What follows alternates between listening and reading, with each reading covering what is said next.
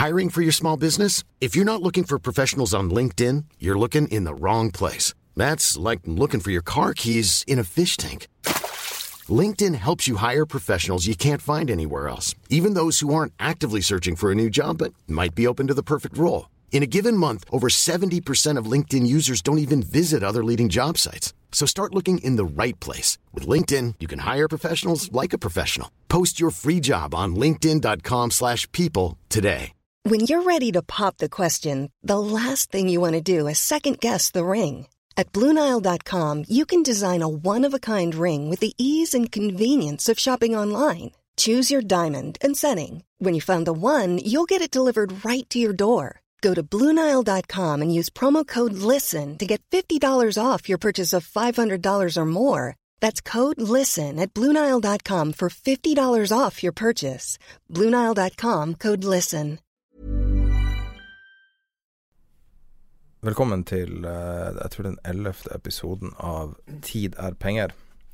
En podkast med Peter Warren. Jeg sitter her med Peter Warren, og vi er noen dager forsinka pga. litt tannpine på, på min del. Eh, Så hvis jeg høres rusa ut, så er det noen diverse smertestillende. Jeg har en god historie for øvrig. Eh, Men da kan vi bare, før- vi går inn i vår intro, så kan vi spille vår lille podkast-sang. Tid er penger, en podkast med Peter Warren. The governments don't rule the world. Goldman Sachs rules the world.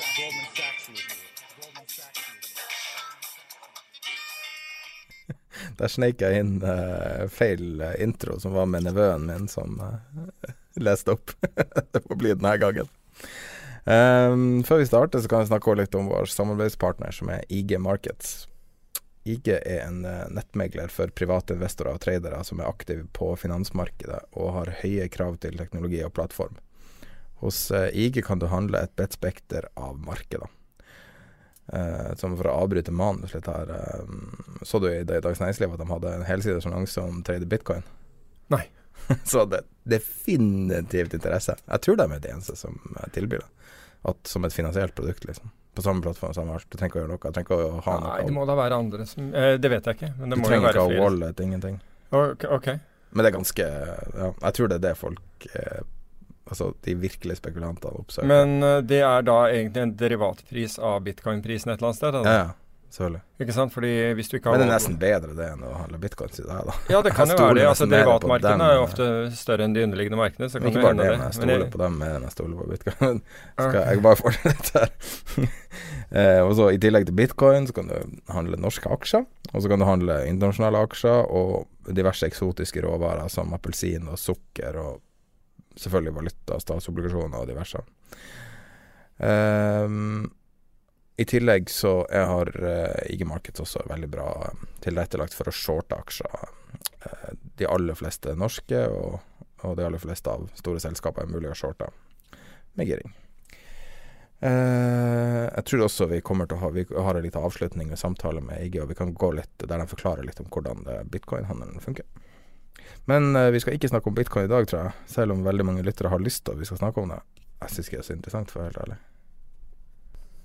Syns du? Nei, altså det, det er jo mye i, um, i media for tiden.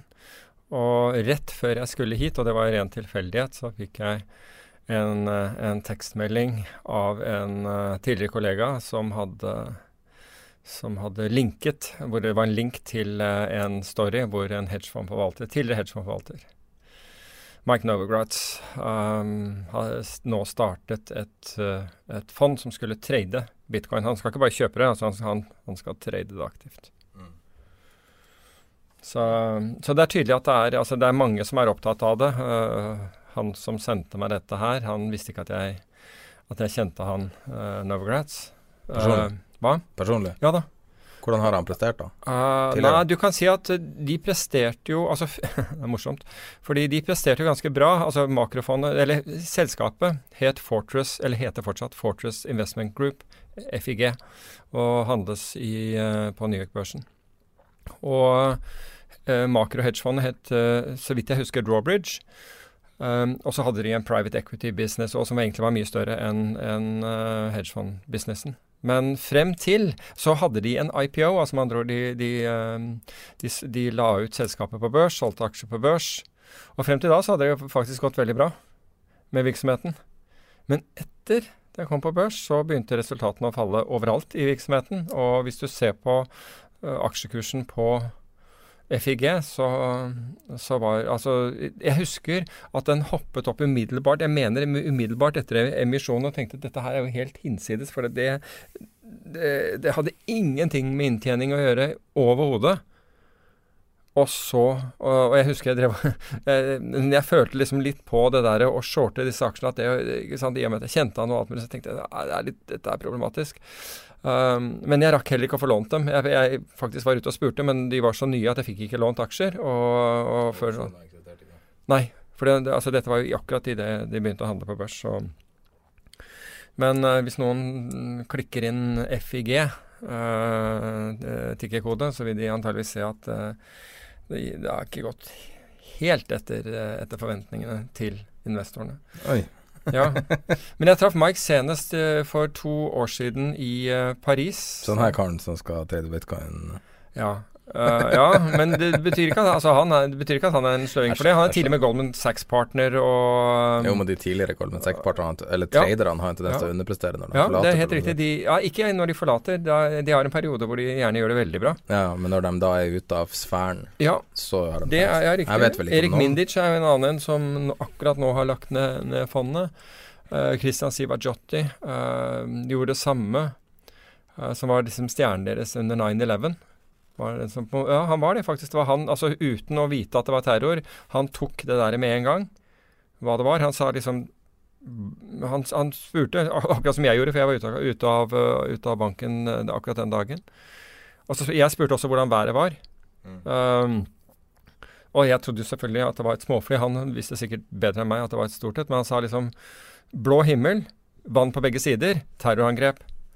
Og så stupte han inn i renteprodukter. Mm, Har du sett den eh, CNBC-videoen som du kan se hele den sendinga fra før det smalt? Det er kanskje sånn mest telling, fordi at du ser det i real time. Det er lagt ut på YouTube. Jeg anbefaler folk å gå og se hele, eh, hele Og gjerne se før flyet treffer, altså før, det kommer opp. For jeg tror CNBC var de første som, som uh, i hvert fall var veldig nært. Det som er artig med CNBC, i motsetning til en annen som er bra, er en, han, um, Howard Stern var på radioen da.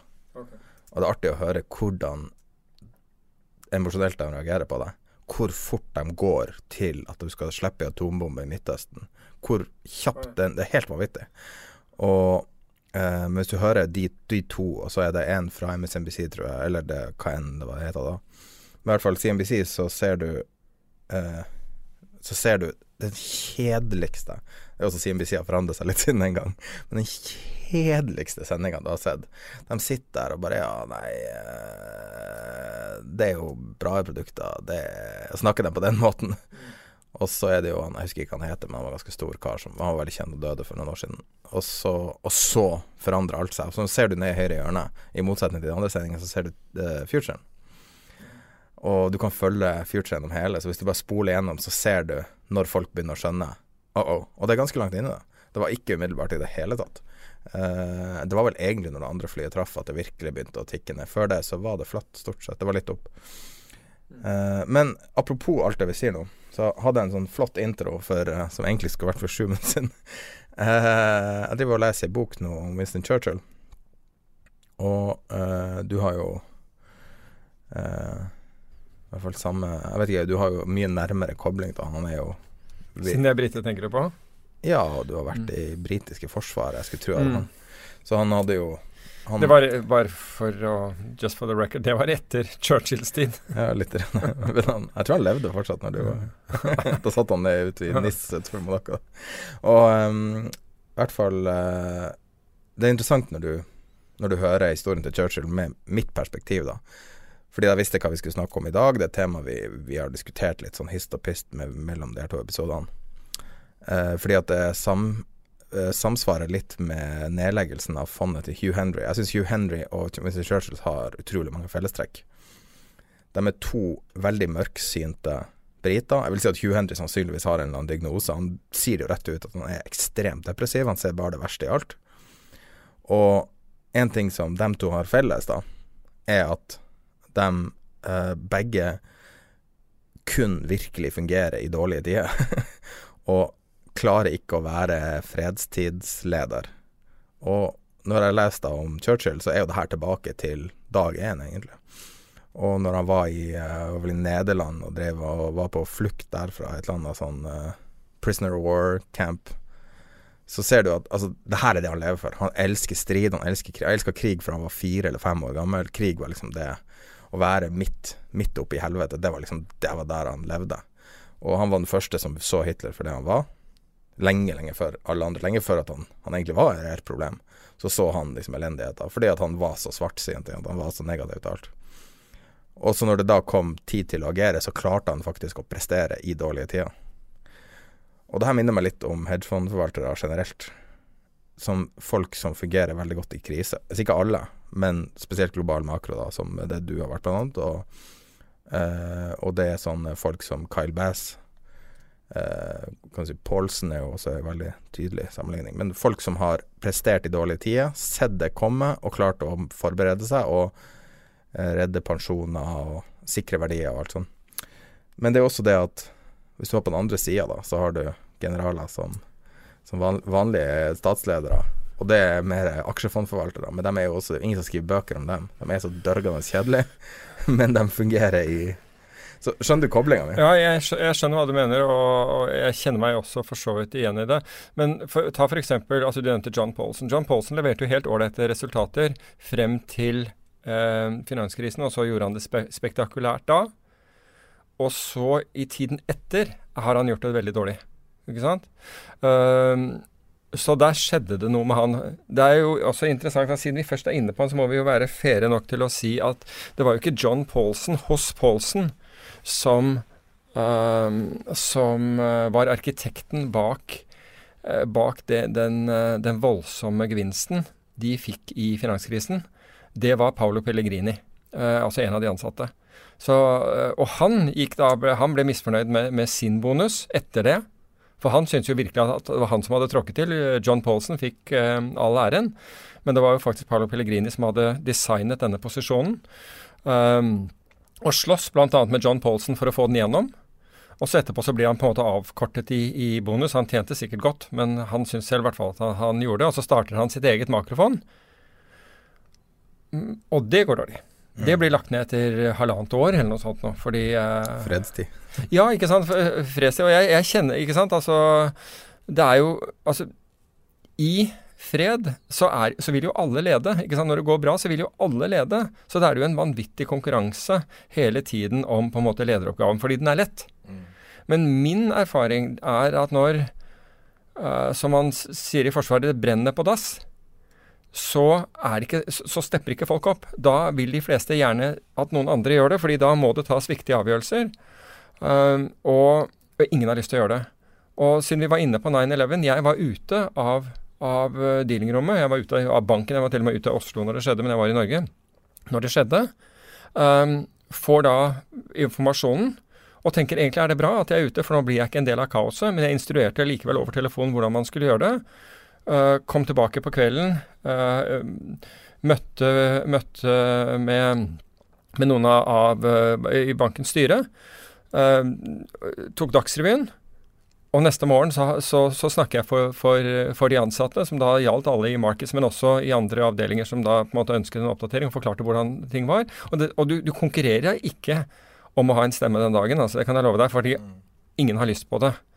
Så, så jeg må jo si at jeg også, som person, helt klart Altså, jeg, jeg, er ikke den som husker folks bursdager og, og er, er, flink med, med, med, med sånne ting. Og, er da, og vil egentlig ikke da lede i, i fredstid. Men, men når, det, når, det, da brenner på da, så, er, så utpeker det seg en, en, et annet behov for ledere. Og, og, og det har vært liksom en, en, rolle jeg har klart å, å, å, fylle de gangene jeg har opplevd det. Og det være seg om det var 1987 eller, eller 2000, 2007, 1998, alle disse, disse crazy årene. Men det er noe med, altså hvis du ser eh, Jeg vet ikke om du leste det denne uka, jeg tror det var på lørdagen forrige uke At uh, det står en, en person på forsida som skal lage et fond. Bare det at de tør å stille seg i avisa før de har laga et fond, og før de er ferdig, liksom, og før de har begynt å tjene penger, syns jeg er ganske overraskende. Men det er vel en del av markedsføringsstrategien. Sikkert. Og så sitter de med avisa og sier at vi skal hente 900 millioner eller et eller annet sånt. Som, ganske beskjedent. Ja, det er ikke beskjedent, det er mye penger. Ja, I Ja. fondssammenheng er det beskjedent. Ja, det kommer an på liksom, hva det er til. Ja, eh, men det er jo ganske mange ansatte som skal lønne med det her. og, eh, men så slår det meg hvor jævlig kjedelig det er. Og hvor lite jeg bryr meg om hva de har å si. Og hvor Og det, og det er jo sånn som vi sitter og hører på um, Hva heter han? uh, Berkshire Hathaway. Hva heter han? Warren Buffett. Ja, Warren Buffett, ja. Uh, sitter og hører på han snakke om investeringer. Det er jo utrolig kjedelig. Altså rett og slett. Har du hørt Jim Rogers? Altså tidligere partneren Ja. til eh, George Soros? ja, men Jim Rogers er jo ikke en long only. Nei, nei, ikke det helt og det, det, Men- poenget men- mitt her er jeg, jeg har lyst til å komme inn på Jim Rogers, for at vi har nevnt på Facebook-gruppa vår Så har vi snakka en del om en podkast-serie. Jeg husker ikke hva den heter, men hvis du går inn på Facebook-gruppa, det er Tid er penger, eh, så, så kan du finne det der. Og der eh, var det en serie som hadde intervjua flere av de her mest interessante. Kyle Bass og Hugh Henry. Hugh Henry har vært veldig mye. Kyle Bass har tjent penger, bare så det er sagt. Ja, Han var opp 26 i fjor, blant Men vet du hvorfor? Vet jeg hvorfor hva? Hvorfor han tjener penger? Jeg vet ikke hvorfor. Ja, det, 70 av porteføljen er long. Ja, det kan godt hende, men, men og det er jo en veldig bra måte å strukturere det på. Jo, men du kan si at altså, Jeg tror ikke Kyle Bass har en 70 lang eh, portefølje i alle markeder. Det er fordi han Amerikanske aksjer, tror jeg. Ja, ja, men det kan godt Ja, men, men altså i alle markedssituasjoner, det er det jeg mener. Ja. Altså han, Det er ikke som han, han sier nå skal 70% av boken min være long, og så, så har jeg noen sidebets ved Ja, siden men jeg av. snakka med han en gang, og da sa han jeg er 70% long hele tida. Og så har jeg sidebet som betaler Ok. eh, 100 ganger, 1000 ganger hvis det går til Ja, altså, altså det, det, det er ikke sånn jeg har, jeg, jeg har opplevd han. Jeg har også, uh, også møtt ham. Det er i hvert fall ikke det han på en måte uh, sier. Han, men han er flink til å Han er interessant, det der med Ja, han er interessant, men han er en av de der som, er, som har på en måte weathered øh, markeder som har gått mot det han selv mener, og allikevel tjent penger. Jo, og men, men du vet jo ikke alt han mener, Fordi Nei, det han blir sitert på, alltid det Ja. interessante. Altså, Ja, det- han blir er sitert på at han kjøpte sånne koppermynter fordi han hadde gjort det i utregning. Ja, det, på- Du kan lese en del av han øh, av, av Heyman Capital sine rapporter, da. Ikke sant? Men, øhm, men, poenget mitt er at det, det fins noen forvaltere, og de mener jeg er gull verdt. Altså, det fins én amerikansk forvalter som, som driver shortfond. Altså, det, det, er, det, de er short only, de. Ok? Det de er liksom, det er det de gjør. De er, de er short aksjer. De velger. Og som til tross for denne vanvittige oppgangen som har vært nå, har klart å tjene penger. Han har ikke tjent mye penger, men han fyren har i hvert fall klart å levere noe sånn som 5 eller 6% avkastning i året, til tross for at han er short. Du kan jo da tenke deg, hvis da markedet skulle dundre til nedsiden, da, da, han, da antageligvis han veldig godt på, på, på, posisjonert. Og jeg vil jo se en sånn fyr, men du må gjøre din egen due diligence selvfølgelig på det, som å eie en put-opsjon hvor jeg faktisk blir betalt premie og ikke, bet, og ikke betaler premie. Så han har enorm verdi for meg, en, en, som, en som har den. Han har short buys. jeg har porteføljen min er alltid short. Men jeg, tjener, men jeg har klart å tjene penger i oppgangsmarkeder. Så, så det, er, det er på en måte Det er bra for et fond, fond i fond, f.eks., å ha sånne. det er, det er bra for en- enhver en diversifisert portefølje å ha noen sånne hvis du finner dem. Ja. Absolutt. Og, og du kan si at jeg ville jo sagt at uh, alt annet like så ville det vært bra å ha Hugh Henry i porteføljen også. Men vi kan, vi kan snakke om han, da. For han, han var noe, han la ned fondet sitt. Og jeg vet ikke om du husker det på BBC når han var intervjua i finanskrisa. Eh, det var vel den dagen, tror jeg, det der BlackRock gikk under, eller hva det var. Og så sier han I suggest that you panic. Han, er, han er veldig flink. Altså, han er jo flink. Han, han er jo en, en orator, Mm. og han, han minner jo veldig om, om uh, Winston Churchill på grunn av den måten å snakke på er jo bare helt unik. Men, men han er vel kanskje ikke så god trader som han er for det altså, jeg vet ikke, Han er jo ikke konfrontasjonssky, det er helt klart når han, øh, når han sitter i, i, øh, i debatter. Men samtidig, hvis du ser på de porteføljeideene han har hatt, så, er, så, så representerer jo det å uttrykke et, et syn uten å, å ta store tap hvis du tar feil. Du kan få en virkelig stor gevinst hvis, han, hvis det er riktig det han sier. Og så kan du og så kan du tape litt hvis det er feil. Og jeg liker den, pro jeg liker den profilen òg. Jeg syns den, er helt grei. Og så må vi se dette i sammenheng med at, at, at han, som, som veldig mange andre smarte mennesker Jeg, så for øvrig et sitat om smarte mennesker. Altså, uh, mennesker som er smarte, blir ikke dumme over natt. Men, men ofte så, så behandler liksom markedet dem som det. Hvis, hvis du genuint tror en fyr er smart, og hører, og hører resonnementene deres um, og så tar, de, liksom, så, så tar de feil, da, men det betyr jo ikke at vedkommende er dum. Ok, han har liksom sett dette her, og i, og, og i liksom disse, disse årene som vi nettopp, altså som vi er inne i nå, og har vært inne i en lang tid, så har det vært kvantitative lettelser hele veien, som har jobbet på en måte mot altså det er, det er jo som å skyte, skyte deg opp med, med lidokain. Hele, altså du, med bedøvelse hele tiden, fordi du bedøver markedet til å tro at det ikke fins risiko. Men nå, nå ikke- unwindes det jo, da. Så nå får vi jo Ja, se. men- ja, nå skal det unwindes. Det er jo ikke en, en, en real unwind i gang enda, ikke sant. Man nå, først så, så liksom skal man kutte igjen krana. USA gjorde det i, i 2014, men da overtok Kina, Japan, Sveits, Sverige ikke sant, og økte sine, og, og, ikke, for å, ikke for å forglemme eh, ECB. Så de har liksom økt sine, ikke sant. Så dermed så fikk du ikke effekten av, av at amerikanerne skrudde igjen krana. Men nå begynner du å se ting, ikke sant. Annet at den amerikanske yield-kurven, altså forskjellen mellom amerikansk nå snakker vi om statsrenter, altså obligasjonsrenter. Tiårs amerikansk eh, obligasjonsrente og toårs amerikansk eh, obligasjonsrente. Nå, har, nå, har, nå er den forskjellen mellom de to flatnet betydelig. Altså Du hadde en, et tilfelle i fjor hvor den var så flat, men det var veldig, det var som den er nå. Men det var veldig kort. Det var veldig kort, kortsiktig. Men hvis du skal gå tilbake til det andre signifikante tidspunktet i historien hvor den har vært like flat som eh, Den her, ikke sant. Er som, ja, så, så, som den er nå, så er det nettopp 07. Ja. Ikke sant? Det, Jeg- jeg det er sist gang vi hadde en så flat uh, Men det her er faktisk et godt Eller et godt tidspunkt at du sier det. Fordi at, kan du forklare litt hvorfor den uh, Det her er det som man kaller uh, 10Y, 2Y. Så det Ja, er altså- tiåringen minus toåringen, ikke Ja, ikke sant? Ja. Kan du forklare hvorfor den er signifikant? For det har jeg alltid lurt på. Jo, altså, greiene er at det, det, har? Det, det som har vært så gunstig nå, og hvorfor man egentlig skulle tjene mye penger nå, altså for å ta banker og finansinstitusjoner, det er for de kunne låne korte penger, f.eks. toårspenger eller enda kortere, og så kunne de plassere dem langt.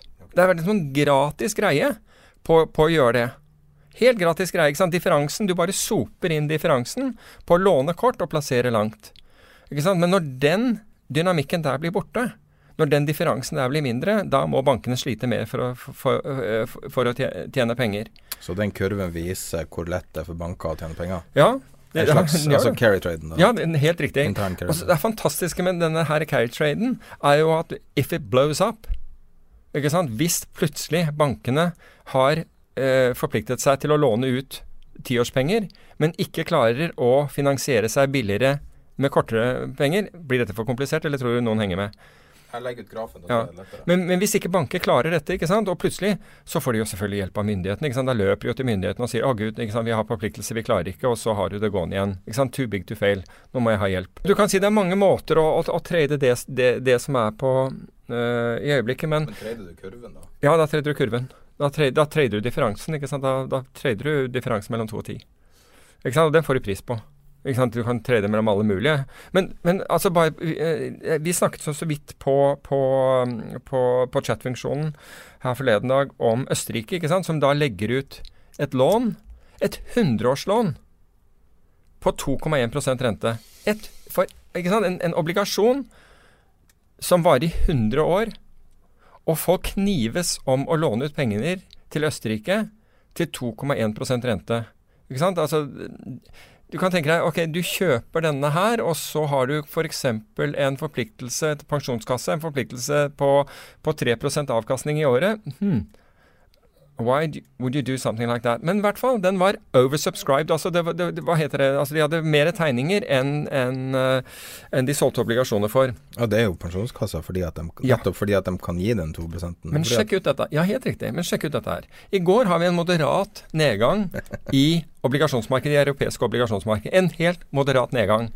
Denne obligasjonen faller da tilsvarende 17 måneder med renteinntekter. Det skjer på én dag. Ikke sant? Og det var en liten nedtur. Ja, Ikke sant? Og det var en liten nedtur. Ikke sant? Det, altså, det Jeg tenker som, bare på tusenårsplanen ja, til at du, Hitler, liksom. ja, men du får ikke? Greia er, du får ikke Du blir ikke betalt for risiko lenger.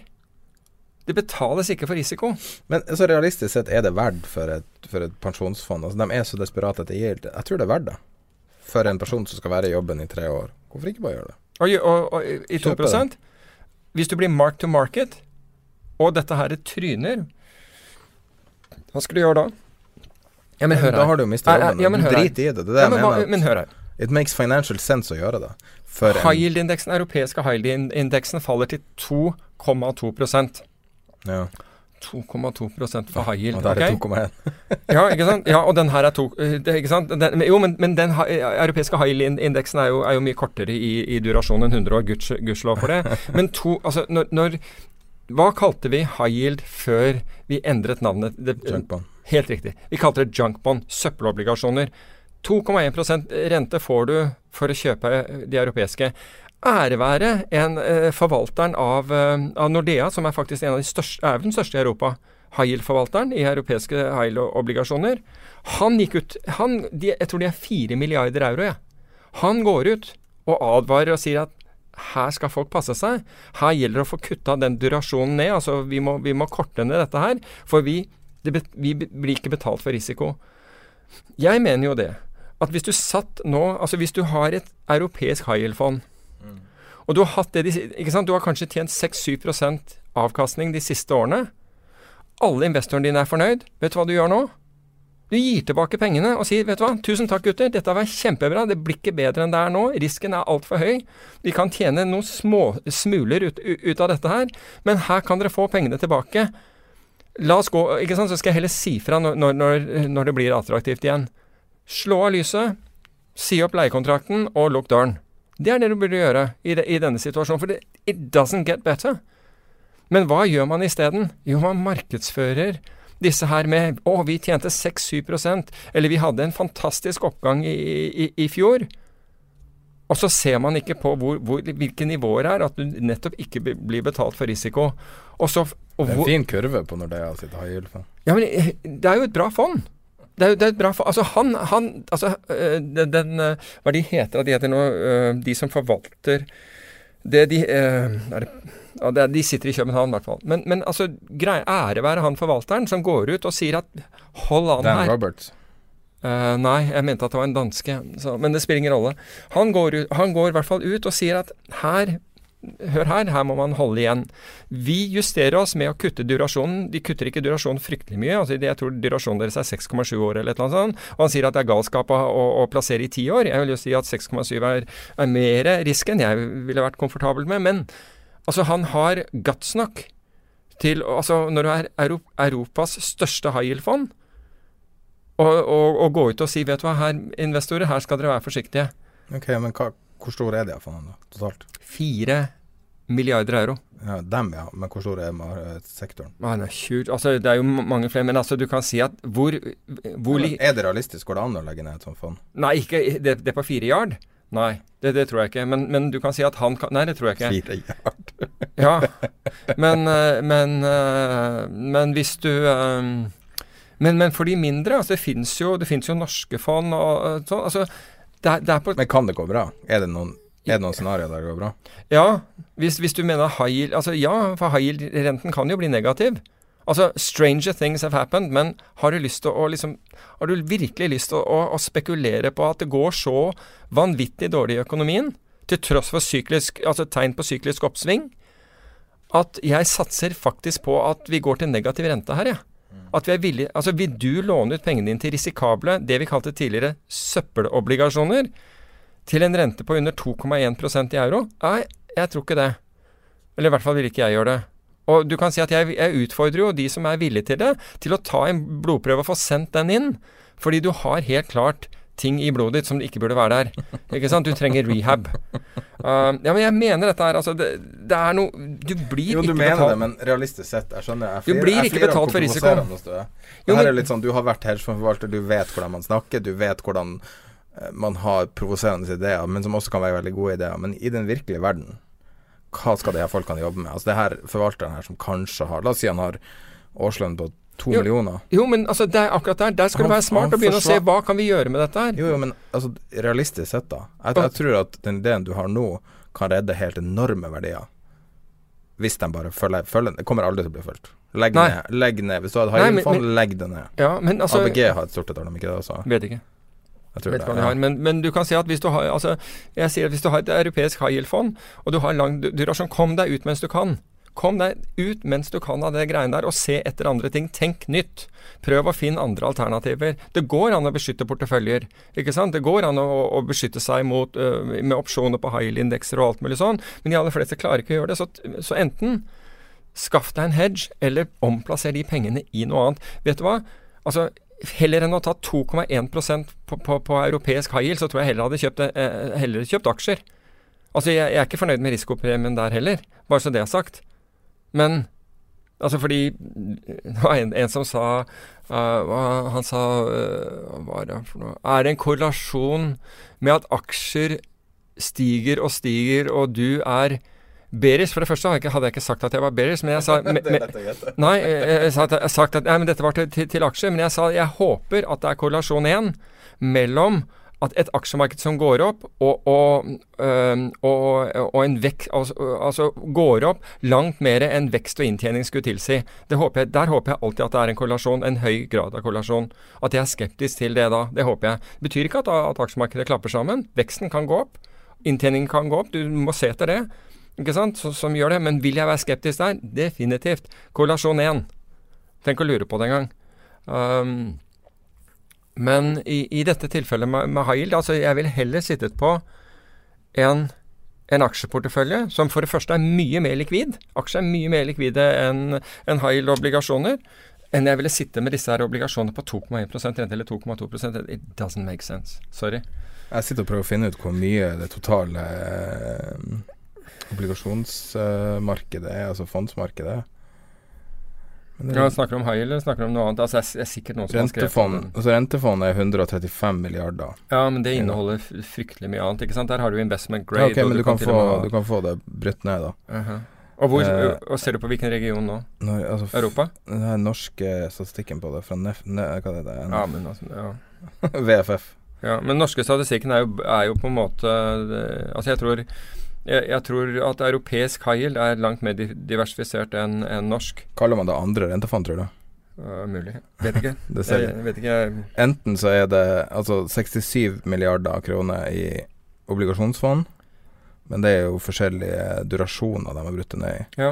Men andre er 28 milliarder. Jeg tror Ja. kanskje det er high Men, men, men du kan si kort, kort Men det er mye penger det er snakk om. altså Det første Mye du bør gjøre, er altså Hvis du tror at renten er i ferd med å gå opp, og det er jo en del ting som tyder på her, at, at vi, har, vi har sett rentebunnen i USA, i Europa, eh, Japan, hvem vet, og Sveits, hvem vet, men liksom i Norge sannsynligvis, ikke sant, så, vi, eh, så er vi på, på, på rentebunnen nå. Da har du i hvert fall ikke lyst til å sitte med lange, altså lange fastrenteobligasjoner. Da sitter du jo helt gærent. ja, men er ikke det bedre å bare sitte med amerikansk toåring, da, hvis du skal ha noe? Jo, men du kan det gilder jo to Ja, et eller annet Ja, prosent. der. eller nesten, i hvert fall. Men Men, eh, men, eh, men eh, Ja, jo, men det, det kan du gjøre. Men da, da, da tar du eh, ja, og 1,46, sorry. ja, da tar du, da tar du eh, dollarrisiko, ikke sant. Så hvis du er komfortabel med den, så er det greit. Swapper du bort den risikoen, så er du tilbake igjen til Ja, men altså, et, altså kontra å, å drive og ta sånn turborisiko på et eller annet um, Ja, men du trenger ikke å ta turborisiko, ja. ikke sant. Altså, det var som eh, Jeg skrev en artikkel for eh, Lytterne har ikke engang hørt om tidsskriftet, jeg er helt sikker på, men det, det fantes et, et sånt finanstidsskrift i Norge. Farmann. Ja, helt riktig. Farmann. Ja. Det var eh, Hans Gelmeiden som var re re redaktør, og som, som spurte om jeg kunne skrive en sånn finanssak for dem. Ja. Uh, jeg kom ikke ut annenhver uke eller et eller annet sånt, men i hvert fall Og da, jeg mener at det var der jeg skrev om, jeg er temmelig sikker på fordi folk sa at ja, men kan ikke sitte i cash, og det var liksom ikke måte på. Og Så fikk du 87. ikke sant? Dette var før 87. Ja. Og så smeller det 87, og da viste jeg hva, hvor mange flere aksjer i de store selskapene du kunne kjøpe med den samme cashen. Altså hvis du gikk ut av markedet, holdt dette i cash, så markedet falle, så gikk du inn igjen, ikke sant? Ja, Ja. Hvor? Og, og det som hadde skjedd, var jo at du hadde hatt et bull market i cash i mellomtiden. Ikke sant? Når aksjer gikk ned, så var det jo vanvittig bull market i, i, i cash. Ikke sant? Så, så cash er alltid en mulighet. ikke sant? To års amerikansk stat, alltid en mulighet. Men kan en forvalter sitte i cash, da? Realistisk sett. Ja, det, det er ikke er mandatet at du må ha alt det. Ja, det kommer an på, ikke sant. Men hvis du har et mandat som sier at du må øh, være 80 eh, investert i high yield med durasjon mellom 7 og 15 år eller noe sånt noe, da, da er det bare én ting. Gi tilbake pengene, slå av lyset, lås døren og ta deg ferie. Men hva skjer med markedet hvis 38 milliarder, la oss si at det beløpet, jeg vet ikke om det er riktig. Altså, La oss si at 38, at folk hører rådet ditt og tenker ok, nå skal jeg være forut for det. For en gangs skyld så skal jeg ikke ta hele tapet, og så skal ikke pensjonspenger gå tapt. Hva skjer med markedet da? Ja, Dette er et helt totalt illikvid marked i utgangspunktet. Ja, nei, det er jo, altså Greiene er at du, du får jo aldri høre at dette er et helt illikvid marked før det går ned. Men Det, det er det, som er. Det handles jo ingenting high yield-obligasjoner nå. Jo da, det gjør det. Jo, det handles hver eneste dag, men jeg skal love deg, hvis, liksom, vi, hvis dette begynner å tippe, så, så, så er det ikke noe Altså, vi hadde det, Jeg må være litt, litt forsiktig med navn, men vi hadde et, et high yield-fond i i, eh, i finanskrisen. Um, forvaltet av, av, av en, en annen forvalter. I hvert fall, han marker dette ned med, med det han får fra, fra eh, med, det han får fra meglere, altså verdiene på disse her. Og kunder ringer inn og er drittsure. Kunder ringer inn, ikke, ba, ikke bare er de drittsure på liksom dette her, men de sier at et, et annet forvaltningsforetak de, har mye, de klarer seg, de. De har mye bedre, bedre avkastning. Hva, hvor- hva, hva er det som er gærent med dere? Forvalteren som, f- som forvaltet dette fondet for oss, han går da, fordi dette fins på nett, han går da inn og sjekker hva det andre fondet sitter med. Og guess what?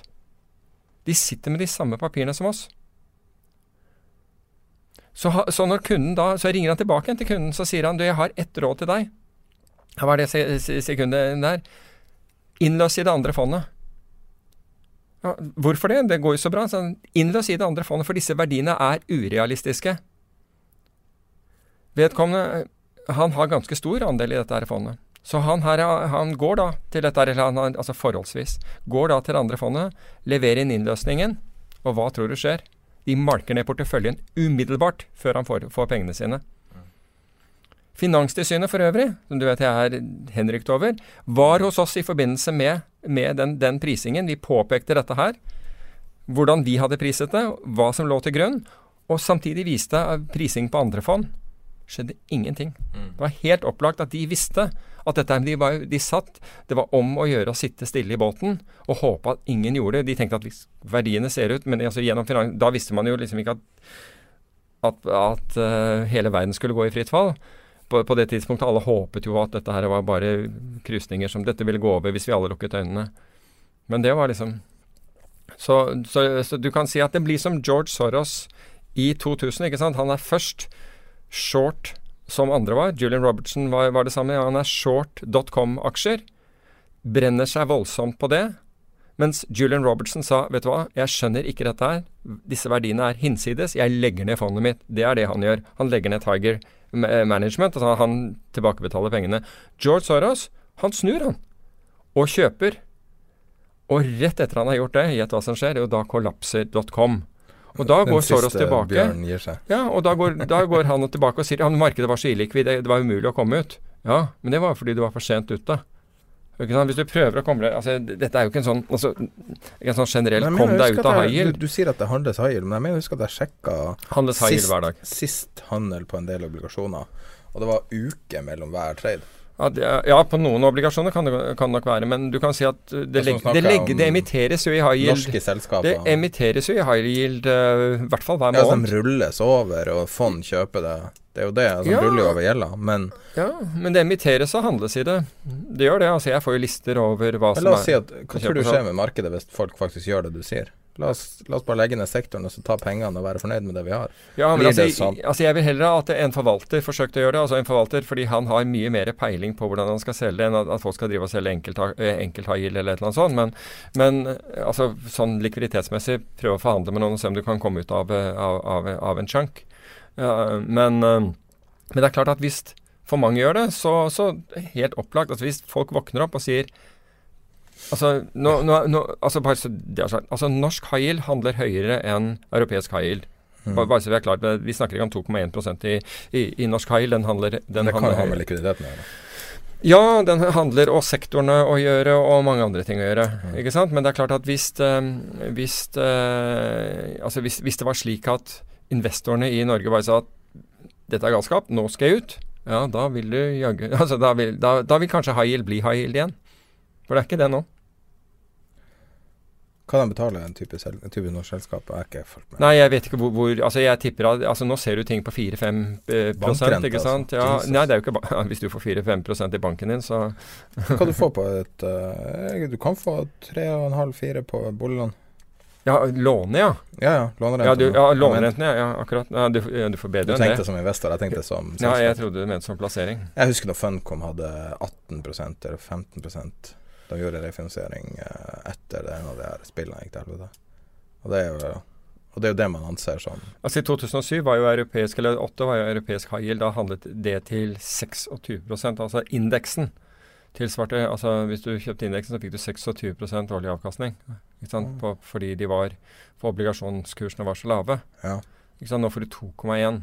Altså, vi, altså Den eneste grunnen til at altså Den som var der i 2007 Problemet er at det er en helt ny generasjon nå. ikke sant? ja. Men den som var der i 2007, de er ikke der på 2,1 nå, altså. De, er, de tror jeg har pakket, uh, pakket ludosakene sine og, fyrt opp Ferrarien og blåst ut av garasjen.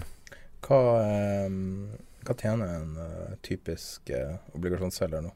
Har ikke peiling. Hva de har i Ah, jeg aner ikke. Nei, hva, hva, hva er cutten deres for å utstede? Er det 2% For altså, de som tilrettelegger lån? tilrettelegger lån Nei, den tror jeg, jeg, det vesentlig- låneselger. Ja, altså, du kan si at sist jeg, jeg sjekket, men nå har jeg ikke sjekket det i det siste, men da lå jo dette her i 7% og knallhøyt.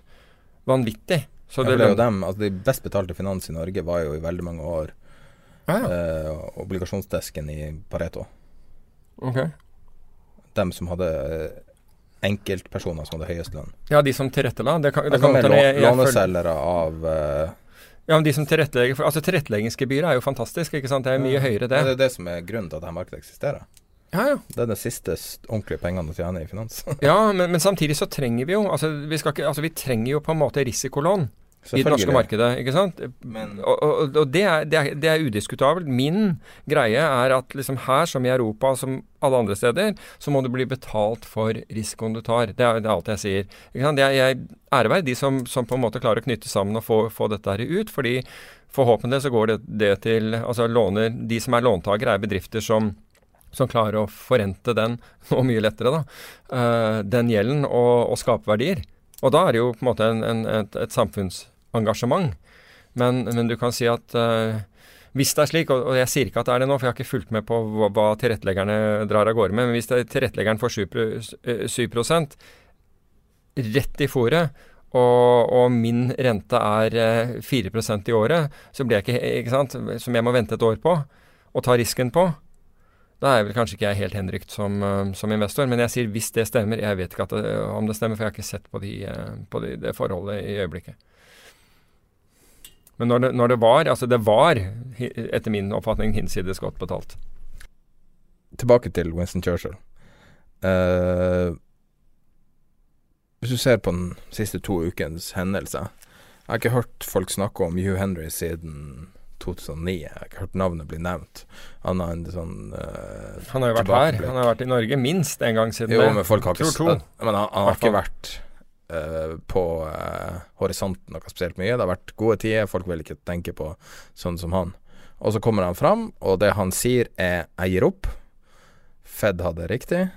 Nei, han sier 'it's a broken market'. Det var det han ble, ble, ble sitert på av Bloomberg. Eh, nei, men har du, Jo, hørt, han har du hørt intervjuet hans? Det er timeslang intervjuet.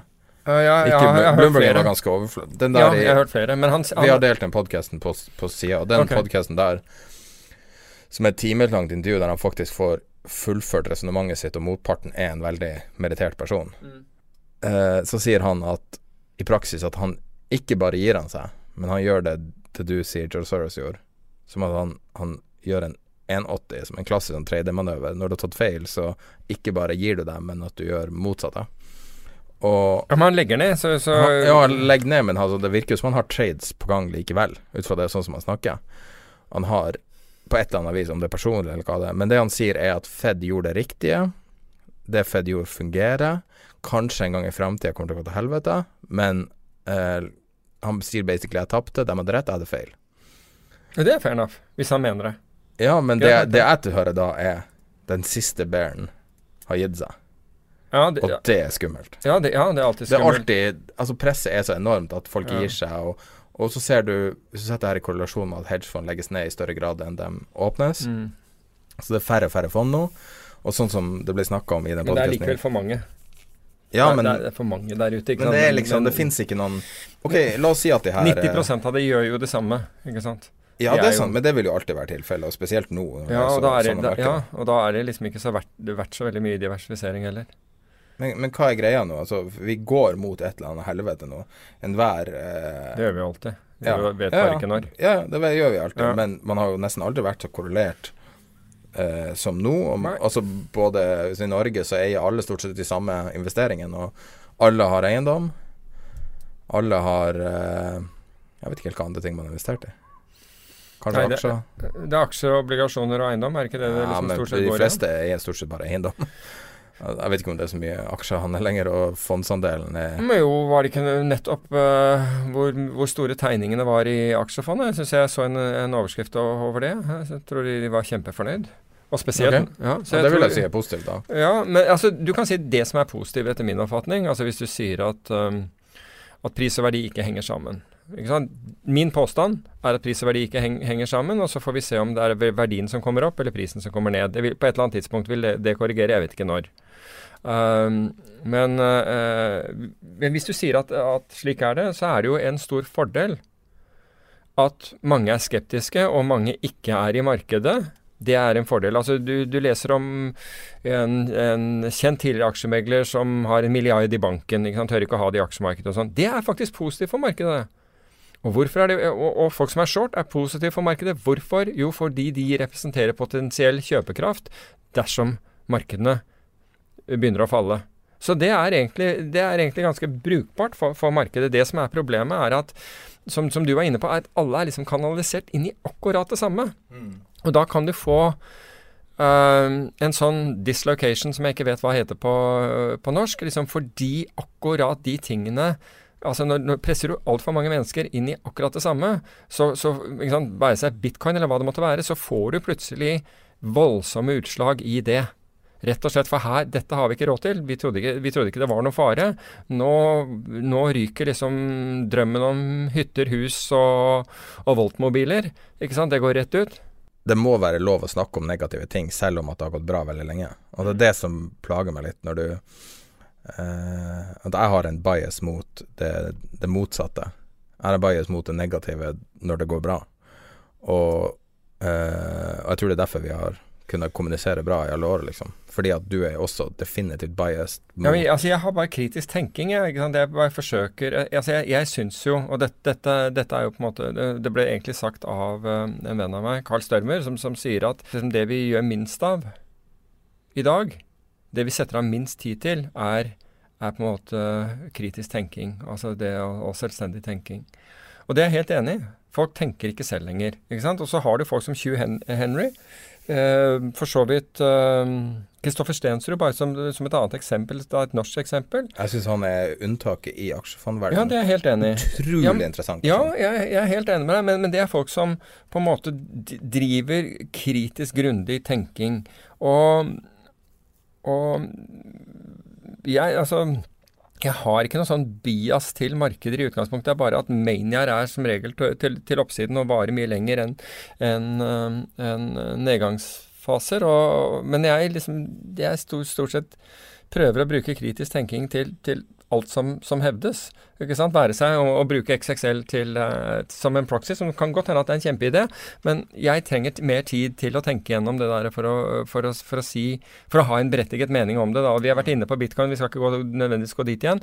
Men det, det samme er det der. Jeg, jeg kan ikke nok om det. Jeg har ikke tenkt nok på det uh, til å ha en mening om det. Og så har du liksom der hvor noe skjer, og da er du bare nødt til å reagere, ikke sant, for å enten pga. risiko eller fordi du ser en mulighet. Det er, ikke noe kritisk tenkning. Der er det alle mulige heuristikker som du har bygget opp over tid, og så sier du ok, dette er en mulighet, og så prøver du, og så har du risikokontroll på det.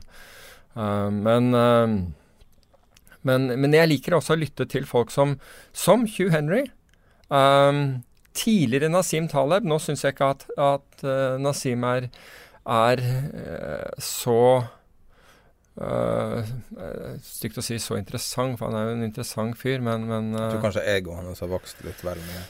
Ja, altså Han hadde jo egentlig maksimal uflaks. altså Når, når du snakker om um, dette med Canary i, i La oss kalle ja, Coal Mines, så var jo han altså Når han la ned uh, sitt fond så, var, altså, så skjedde jo også det, ikke sant, rett før det smalt.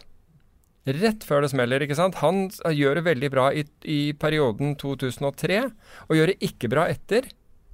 Um, og så gir investorene hans opp. altså Du har Black Swan og alle disse Folk skjønner at de trenger uh, å kjøpe forsikring, men når ingenting skjer, så gir selv de mest trofaste backerne hans seg, og så må han da nedlegge fondet. Men hva, da, men hva skjer samtidig? Jo, hans head trader, Mark Spitznogel, flytter da fra, eh, fra, fra Greenwich til, uh, til, vestkysten av USA og setter opp sitt fond med akkurat samme ideen og slår den fullstendig ut av parken.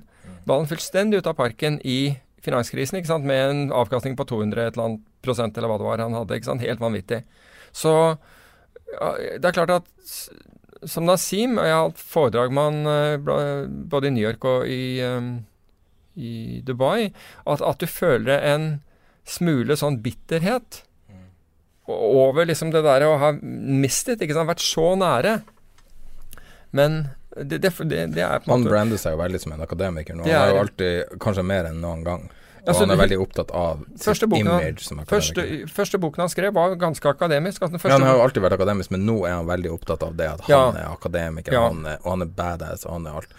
Og jeg tror kanskje det er litt sånn skummelt, den der stoltheten, fordi at hvis du går tilbake til liksom, utgangspunktet, som er da uh, Tittelideen min til det her er liksom hvorfor er aksjefondforvaltere så kjedelig, og hvorfor er hedgefondforvaltere så interessant.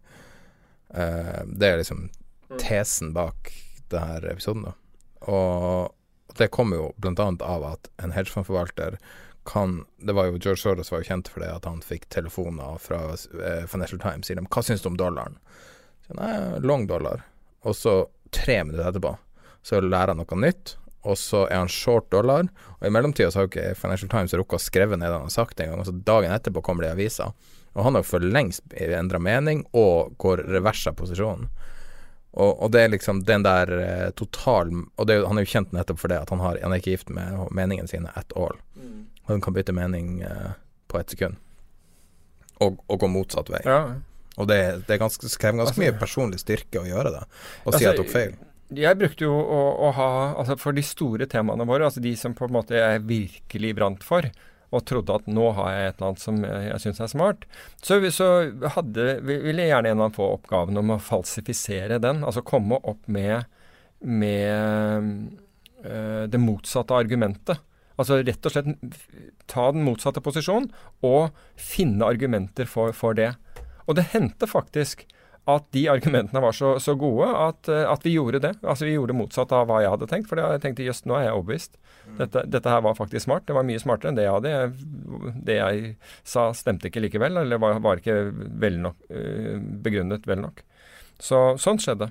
Men, men, du kan si, apropos Hugh Henry, så, altså, han hadde jo Altså når fondet ditt faller Altså når øh, kapitalen i fondet ditt, altså investorene trekker ut Syv, altså Han hadde vel 1,3 milliarder dollar på det meste, og investorene trakk da ut 87 av, av pengene du altså Jeg tror han rett nå i hva var det for noe, nå i august, når han bestemte seg for å legge det ned, hadde han så vidt over 30 millioner dollar igjen, og en stab på 13. I, i, et marked som, som, trenger minimum 500 millioner dollar bare for å break even, fordi det er blitt så regulatorisk kost, kostbart å drive, så må du bare si at ok, greit verden mener noe annet enn meg. Jeg kan jo på en måte Han har fortsatt, uh, han har fortsatt landsted i St. Barts, han. Men du, du, har jo gått fra å være forvalter til å være trader av egne penger. Ja, altså jeg, gjør mye rart. ikke sant? Jeg trader, jeg holder foredrag og, og eier litt her og der og litt sånn forskjellig. Men du er jo blitt en independent. Ja. Du er ikke så altså, du er ikke direkte kobla til reguleringer lenger, f.eks.? Nei, jeg er ikke koblet til reguleringer. Og det er ganske mye lettere, da. Ja, åh, det er utrolig mye lettere. Det er utrolig mye lettere. Så veldig mye av tiden din går, sant, som forvalter går til å, å, å snakke med eh, til å snakke med, med, kunder. ikke sant? Og det er jo ikke, og det skal man ikke kimse av, fordi det er deres eh, penger, altså i tillegg til mine egne, da, som jeg hadde for, i, i, forvaltningen. Men det er klart at de ønsker, ønsker å vite hva som foregår. Uh, og, og det, men du kan si at det å kunne bruke 100% av tiden din f.eks. For til forvaltning, og det blir skjermet som det noen forvaltere klarer å gjøre Ta f.eks. I, i oljefondet. Der, der, er nok forvalterne totalt skjermet. Det er noen andre. ikke sant? Det er informasjonsmedarbeidere. De er ikke ute etter å, å, å, måtte forklare seg eller hente penger. Så de har, kan kun drive og fokusere på jobben. Det skulle alt annet like, skulle de gjøre deg bedre. For du har mer fokus. Ikke sant? Men jeg bruker jo all tida på post-trade og, og pre-trade, egentlig. da. Ja, altså, men altså, i mitt tilfelle så kunne jeg liksom bli revet ut av, av, av, forvaltningen i løpet av dagen. Kanskje holde en Gå inn i et møte og være der i 20 minutter, eller holde en presentasjon på halvannen time. Og så skal du tilbake igjen. Og kanskje en halvtime før du skal noe nytt igjen. ikke sant? Og på den halvtimen så er du nødt til å skru hodet ditt til å ha fokus å være til stede der og da, ha fokus rett inn i markedet. Går, det går jo nesten ikke an. Altså. Ja, ikke sant? Men, det blir jo altså, ikke så bra. Altså, ja, multitasking funker ikke. Nei, altså vi gjorde jo, altså, vi gjorde jo det der, men, men, men og, og, heldigvis så, så, på en måte var resultatene bra. Men, kun, men de ville helt sikkert vært bedre mm. dersom man hadde full fokus på det. Har du bedre resultater nå, da? Og så sier de ja, men nå handler ikke det samme. ikke sant? Så Du kan ikke sammenligne de resultatene. altså Hvis du sammenligner resultat, altså hvis du baker det ned til til, til, minutter, så er det definitivt altså eksponeringstid. Husk på at du hadde en helt annen eksponeringstid. Nå har du en veldig veldig kort eksponeringstid. Um, men så hvis du, hvis du får den tiden til å bare være til stede og drive med det, det du skal, så tror jeg du blir bedre. Og du mister, du mister jo muligheter er du ute av rommet. Og så er det morsomt, og, og paradoksalt nok, investorene som på en måte forlangte å få snakke med deg, og, og som du, du da øh, hadde møte med, ville jo være opptatt av det du fikk, at du fikk nok tid til, ja. å, til, til å, gjøre det. Men det er én ting som er positivt med kunder, tror jeg. Eh, spesielt hvis du har fond som kunder, altså profesjonelle aktører. Mm. Er jo også, du får jo veldig mye eh, info av dem om det de er opptatt av. Og det kan også være ting du bruker som, eh, som en del av datainnsamlinga, eller en del av eh, idéinnsamlinga di. Jeg tror nok at det i hvert fall har en verdi. Jeg vet ikke om det gjør Altså, jeg opplevde det kun i forbindelse Vi hadde også et, et, fond i fond, altså et fond av andre fond. Mm. Um, hvor vårt fond ikke, um, ikke inngikk. Um, og det jeg så der, var at vi hadde jo bl.a. trendfølgende eh, fond i den, i den porteføljen. Og det vi opplevde, det var at vi hadde veldig god transparanse. Vi kunne se hva disse satt med. Altså Vi kunne til og med se på, på daglig basis hvilke posisjoner de hadde. Men det som Vi fant ut at det som uroet oss, det var når alle hadde samme type posisjoner. La oss si at de var veldig lang euro eller veldig lang uh, statsobligasjoner eller et eller annet sånt. Og, vi, og vi, andre indikatorer som vi hadde, viste at jøss, nå er det der markedet overkjøpt eller oversolgt eller et eller annet sånt. Eh, så bekymret det oss, og, det, og, vi så da gang på gang at vi fikk liksom når, når, det korrigerte da, så slo det ganske kraftig ut på, på resultatene til fondet. Så isteden så laget vi en overlay hvor vi laget Altså, vi vi, vi, snakket ikke med forvalterne med, med, i disse her, fordi de gjorde det de gjorde best. De, vi sa de, de, dere er best på det. Men når vi ser at veldig mange av dere har samme posisjon, og våre indikatorer tilsier at nå kan det veldig lett komme en korreksjon innenfor dette, så laget vi en opsjonsoverlay i det det gjaldt. La oss si at det var dollaren, eller at det var øh, aksjer eller der. Og, en forsikrings... Øh, ja, så vi laget en forsikringsstrategi som på en måte ikke hadde, hadde noe effekt på, på disse underliggende fondene. Men på vår totalavkastning, på, på det fondets uh, totalavkastning, fikk det en veldig effekt. Mm. En sånn overlay-strategi. Og vi hadde den bare når vi Det var flere ting som skulle trigge dette her. Altså det var crowding, altså med, med andre ord at veldig mange fond hadde akkurat samme, samme type posisjon. Og en del tekniske faktorer som tilsa at, nå, at vi, vi, nærmet oss en korreksjon. Så disse to tingene, Ellers så, ellers så gjorde vi ingenting. Mm. Men når disse tingene dukket opp, så la vi denne overlay-strategien, som ikke kostet oss noe penger, for vi visste hvordan vi skulle gjøre dette ved å kombinere opsjoner. Så enden på dette var at vi fant ut at den overlay-strategien tjente bedre enn fondene i snitt. Mm. Hadde bedre avkastning. Ja, for du har jo eh, flow, flow-data, så du Ja, er så jo du har flow- investeringsbank i Ja, men- minimum. Ja, men du kan si at eh, eh, den samme kan du få i dag. Det fins i, I dag kan du gå inn på på amerikanske finanstilsynet, altså CFTC, sine sider og se på crowding. Altså se hvor altså, Du ser den spekulative altså Hvis du sier at ok, jeg trenger ikke å vite de fire-fem fondene som vi hadde, men jeg kan se hva markedet har. Og markedet er nå f.eks. ekstremt jeg vet ikke hva det skulle være, ekstremt long eh, statsobligasjoner. uh, altså futures. Så kan du si ok, de er det. Er markedet overkjøpt der i øyeblikket? Nei, ikke spesielt, men det er andre faktorer. Men du kan, la, du kan legge en over, overlay selv på det. Det er fullt mulig å gjøre. Um, og det forbauser meg. Altså, den eneste som har gjort noe lignende uh, til det vi gjorde, det er Winton Capital i London. Og de er svære. De er vel 24 milliarder dollar eller et eller annet. 25 kanskje. Eh, de så det samme. Og de ble Altså, de, de, de, de er trendfølgere, tjener veldig godt når liksom markedene trender ordentlig. Men det, hvis det blir en bråsving i markedet, altså plutselig øh, øh, snur markedet, så vil de tape ganske mye. Altså gi tilbake ganske mye av profitten. Og de begynte da med en tilsvarende strategi enn oss, og det har gjort at de har øh, de har hatt en utvikling, en performance, som er mye bedre enn de andre, ikke alle andre, men de aller fleste av sine, sine konkurrenter. Mm. Og, det, og for meg, det fatter ikke at ikke flere gjør det. Hvorfor gjør ikke du det? Eller gjør det? Ja, nei, altså du kan si at du, du, altså Da måtte du lage et, et, et produkt av det, ikke sant, som, okay. som du Du ikke gjøre det med egne penger. Jo, jo, du kunne du, I teorien kunne du, kunne du gjøre det, men du kan si at dette er ikke, dette er ikke intradaghandel. Dette er handel som, som du har tenkt å, å sitte og holde over tid. Mm. Ikke sant? Holde så lenge markedet er overkjøpt eller, Ja. eller kriteriene er der, så vil du holde denne strategien. Krever litt vedlikehold, da. Ja, den krever, krever vedlikehold. Eh, helt opplagt gjør den det. Og, og, og det gjorde den da også, selv om den egentlig krevde veldig lite. Vi visste hvilke nivåer vi trengte å justere hedgen på. Vi så dette som en hedging-portefølje. Og når vi trengte å, å, å, justere den. Og, men det var ikke noe sånn, vi satt ikke og tradet den, for å si det på den måten. Du hadde den når, når kriteriene tilsa det. Nå tror jeg at jeg må gå og ta en smertestillende snart. og så eh, Men før det så har jeg lyst til å ta opp eh, ta plukke opp to ting. Det ene vi, vi nevner, og ganske ofte, er ETF-er som eh, gode vehicles, og, og selv proffe investorer liker børsnoterte fond.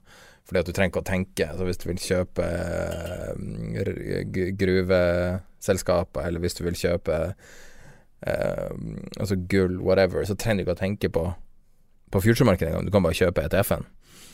Eh, men så er det jo Det er jo ikke alltid det For du har jo ofte internalisert giring, og du har rullering og diverse ting. Ja. Eh, det var to ETF-er som du hadde sett litt på, som, som er ganske påfallende.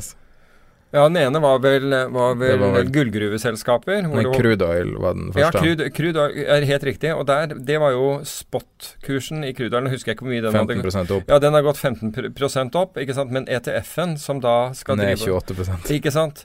Og det er jo rett og slett fordi, fordi Ford-markedet, altså terminmarkedet i, i, i olje, har vært i kontango med andre ord eh, olje for fremtidig levering, har handlet på, på høy, til høyere kurser. Slik at, slik at de har hele tiden Altså når kontra En sånn ETF sitter jo da på på oljekontrakter, future-kontrakter, så har de måttet kjøpe hver gang de forfaller, så har de måttet kjøpe en som er, har en høyere pris. Og så har de måttet kjøpe en som har en høyere pris, og en, en som har en høyere pris. Og dermed så har det faktisk ikke Ikke sant. Så ja, jeg har vært long olje, men jeg har ikke tjent penger. Og oljeprisen har steget. Det er, ikke sant? Det er ak akkurat som vi har snakket om med Vixen, som har akkurat det, det, det samme. Og, og folk klør seg i hodet. Hvorfor? Hvordan skal jeg trade dette? Hva er den mest effektive måten å trade på? Slik at du er nødt til å forstå hvordan disse produktene virker. Uansett om, om de ser enkle ut. Og en annen er jo eh, hvis du uh, er long Det var vel to forskjellige, da. Gold Miners og 3X Gold Miners. Ja, ikke sant? Og, Og og en liten forskjell, da. Gold Miners er opp 6 og 3X er ned 84 Ja, ikke sant? Og det har jo med at dette har gått frem og tilbake, og så har du med hvordan Ikke sant? En som Et giret et, Rebalansering, er ikke sant. Rebalansering, den daglige rebalanseringen. ikke sant? Og de kjøper høyt og selger lavt. og kjøper, i hvert fall, altså Hvis du hadde hatt en pågående trend, så hadde det gått veldig bra. Men fordi det har gått frem og tilbake, så har de kjøpt høyt, solgt lavt, kjøpt høyt, solgt lavt osv. Så, så og det frustrerer jo de som Men det er jo Bull og. Bear har jo det samme. Det Ja. sånn, Akkurat det samme. Hvis du selger begge to, så, har du, så vil du i stort sett tjene penger. Ja. Ikke sant? kan jeg gjenta det igjen, da? For folk er alltid på jakt etter en sure ting. Ja, men, men, men, men, men noen av dem så øh, Ikke sant? Så Men alle er ikke like. Men du må vite hva du kjøper. Det er jo det der. Fins det en catbonds på øh, tannpine? Nei, jeg tror ikke det finnes kat katastrofeobligasjon på tannpine, men mens vi er inne på det, så er det ganske interessant. For sist så hadde vi om uh, disse katastrofeobligasjonene i forbindelse med med orkanen Irma og de utbetalingene som ble forventet her, der var jo indeksen, altså katastrofeobligasjonsindeksen, den falt jo 16 uh, weekenden før orkanen traff. Og de, eh, de obligasjonene som var, eh, var eh, rettet mot Florida, falt jo med, med 50-60% Men nå, nå vet vi jo at Irma ødela mindre enn en man, man fryktet. Men samtidig så har da Mexico hatt to jord, jordskjelv. Og her har liksom disse katastrofeobligasjonene Altså, når vi snakker om ETF-en, vit hva du investerer i, men her er det verre, altså. Her, altså for de som ikke le, leste den, den lille skriften her, nemlig de som eh, de, de, som skaffet seg, altså de som skaffet seg beskyttelsen. I dette tilfellet så var, så var det jo Mexico. Mexico har et, har et statlig Uh, disaster fund, hva, altså sånn Jeg tror folk skjønner hva sier du? Ja, Disaster Fund. Og det hadde da uh, Det hadde da eh, utstedt slike, slike obligasjoner. Og til, de var villige til å betale Det ble overtegnet, bare, bare så det er sagt. 360 millioner dollar. uh, hva var denne obligasjonen på? Og, og renten kom ned i 4,6% som var veldig lav fordi folk var så interessert. Og så skjer da uh, disse jordskjelvene i Mexico, og så tenker gudskjelov, vi får nå inn 360 millioner dollar ikke sant, til gjenoppbygging og den type ting. Men da skjer følgende, og det er at det viste seg at det krevde et jordskjelv på 7,8 på Richter skala, og denne var ja, ikke sant? Og denne her er på 7,1, og nå Jeg vil bare påpeke at det heter ikke Richter-skala, det heter en annen skala. Whatever. Gjør ikke det? Nei, det, eh, men i noen land bruker jeg det. Men i, Ok, men whatever skala. Men denne her hevdes da, og nå er det mange som sier at det er manipulert, dataene er blitt manipulert. Altså det hevdes at det var 7,1, slik at det kom ikke opp i det som skulle triggere, triggere denne obligasjonen. eh, det der er forsikringen. Ja, det er, ikke sant, det er, det er helt Ikke sant, og, og dette Her snakker vi om enorme lidelser, ikke sant, og, og, og kostnader. Og plutselig så skal ikke dette gjelde fordi du har en sånn eh, for, fordi det, det, var, det var ikke ille nok, dette. Men som ikke det er nok, så hadde du jo den, det jordskjelvet som rammet disse to meksikanske regionene Stillehavs... eh, altså som, som grenser mot Stillehavet Ja. tidligere i måneden. Og de hadde jo også faktisk eh, katastrofeobligasjoner, så de skulle også få betaling. Men guess what?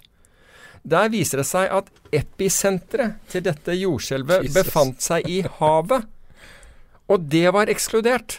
Så hvis det, hvis det ikke jordskjelvsenteret var under fastlands-Mexico, til tross for at liksom øh, folk mistet plomber i tennene helt, helt så, så langt unna som Mexico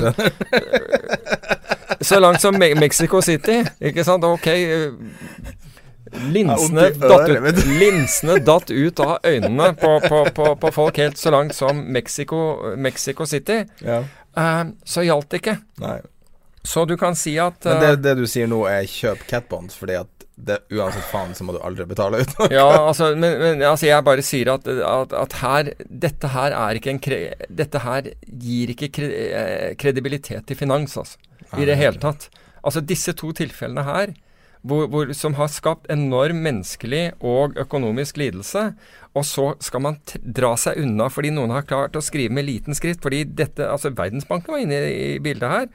Og dette, og dette Mexico-fondet? Alle Hva sier du? Hvor det er notert? Eh, vet ikke hvor det er notert. I Mexico. Eh, nei, dette er noe som går, går internasjonale Går i eh, markedet. Jeg, jeg tipper at dette går i brokermarkedet. Eh, Jeg lurer på hvordan regler som gjelder, eller hvordan lover. ja, men ja, det, ja, det vet jeg ikke. Men, men, men uansett altså, så, så, så her Altså at for At liksom menigmann får nok av finans Ja. av og til. Det skjønner jeg godt. Og når det er Men det er jo det sånn med hedgefond. Ja, katastrofesituasjon hedgefond er jo alltid bad guyen. Og så Ja. man se hva hedgefond er. Så veldig ofte så er det pensjonspenger. Og, Mhm. altså det, det er det mest Det er det mest liksom sånn uh, usofistikerte Det er legatpenger, pensjonspenger, den type ja, det, det, det mest usofistikerte som er i samfunnet. De mest, minst kyniske elementene i samfunnet. uh, som veldig ofte til syvende og sist syvende og sist får den avkastninga. Og så blir det her forgjetta så mye, men så får du sånne her situasjoner der man tar en eh, argentinsk båt i arrest. Eller argentinsk Mm. krigsskip i arrest. Så bare sånn Skjønner du ikke hva du gjør nå? Du dreper jo bransjen. Du dreper ryktet til bransjen. Ja, nei, men, der type ting er så negativt at du Altså, én ting er å være aggressiv, men det er var, også var det på, var det Paul Singer eller noe sånt? Altså, men Ja. de, de fikk jo faktisk Jo, men hør her. Her har du en, en, et land som ikke gidder å Argentina som ikke ville paye Helt riktig. Som ikke vil, som ikke vil, som ikke vil gjøre opp gjeld. Ja, jeg skjønner det, men det er jo liksom Ja, men symbolikken du, ja, men i det. her. Ja, men nei, denne her er viktig, den. For den, denne her Altså her, De gidder ikke å gjøre opp gjeld. De bare låner og har ingen intensjon om å, om, om, Kona til den forrige presidenten, som nå er den nåværende presidenten. om å gjøre, om å gjøre opp for seg. Hva, hør her, her er det ikke bare hedgefond som sitter på. altså. Dette her sitter jo alle mulige typer fond på. Vanlige Men alle verdipapirfond. andre settler. Vent, vent litt. Vanlige verdipapirfond sitter lastet med dette her og gjør ingenting. De gjør ikke en verdens ting når de sier at vi gidder ikke å tilbakebetale dette her. Så, fordi de forvalterne har ikke har ikke penger i, i ikke sant? De har ikke skin in the game Nei. i det hele tatt. Så de sier at dette er andres penger. Så pensjonskasser og alt bare gi. Sier at vi kunne ikke gjøre noe. Argentina vil ikke betale. Enter hedgefondet, Ja. ikke sant, som sier det her finner vi oss fanken ikke i. Her. Nå, skal vi, nå tar vi arrest i et, i, i, i, et, et krigsskip. Et gammelt- gammelt- Sorry. Den her er vår. Betal. Symbolikken er jo helt vanvittig. Ja, men jeg syns jo Det er jo i hvert fall noen som fighter for pengene. Men det interessante her er jo at alle de andre settla jo. Ja, og de sa an, jo, pengene er, tapt, er for, og så vant han Ja, eh, men de andre settet fordi de ikke hadde skin in the game. Det var ikke deres penger, det var pensjonistenes penger. De ga beng i det. Og han, hedgefondforvalteren, han var faktisk ikke på, på den. Han sa at det her finner jeg meg bare ikke Og vant i retten. Og vant. Og vant. Så takket Men- være liksom sånn. Han vant, men alle de andre hadde settla, så de tapte.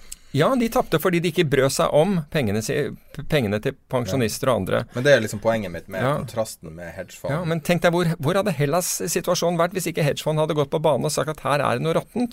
Hva skjedde der? Jo, Merkel og, og Lagarde går ut og sier at hedgefondet bare maler Alt er i orden i Hellas. Det er bare hedgefond som maler sin, øh, maler sin egen Hva heter det for noe? Maler sin egen Hva er det uttrykket igjen? Bare finn på noe. Maler sin egen kake hørtes ikke riktig ut, liksom. Men uh, whatever det er. Ikke sant? Det, det er bare de ja, ikke sant? Dette er ikke reelt. Og hva skjer? Jo, hele landet tipper over. Ja. Ikke sant? Så det viser seg at de hadde helt rett. De hadde helt rett. Og folk som Paulsen, som vi snakket om tidligere, Kyle Bass og andre hadde helt rett når det gjaldt Ja. finanskrisen. Og hvis ikke de hadde varslet den at jeg syns kanskje Kyle Bass sin strategi er den mest interessante, fordi at den fungerer i begge markeder. Han er ikke bare Enig. Så langt, så langt så syns jeg det. Og, jeg, og retorikken hans er solid, og han Ja, han Ja, jeg er enig. Jeg, jeg liker også Kyle Bass. Heyman Capital. Han uh, trua meg en gang, men det sa jeg. Alle tror Jeg, det. jeg kom til å publisere hele. Hele hans tradingstrategi. Ja. Men hva er, felles, hva, er felles, hva er felles for Kyle Bass og Hugh Henry? De har begge vært talere på Skagen, og for øvrig også Jim Rogers, på Skagen-konferansen. Så Skagen er, Skagen er visjonær når det ja, kommer Skagen til er ikke bare visjonær, men de er villige til å diskutere håper å si alt. De er villige til at, at andre, som kanskje har motsatte oppfatninger av dem selv, får taletid. Ja. Ære være dem for det. Ære være dem for det. Mm. Det, er liksom, det skiller dem.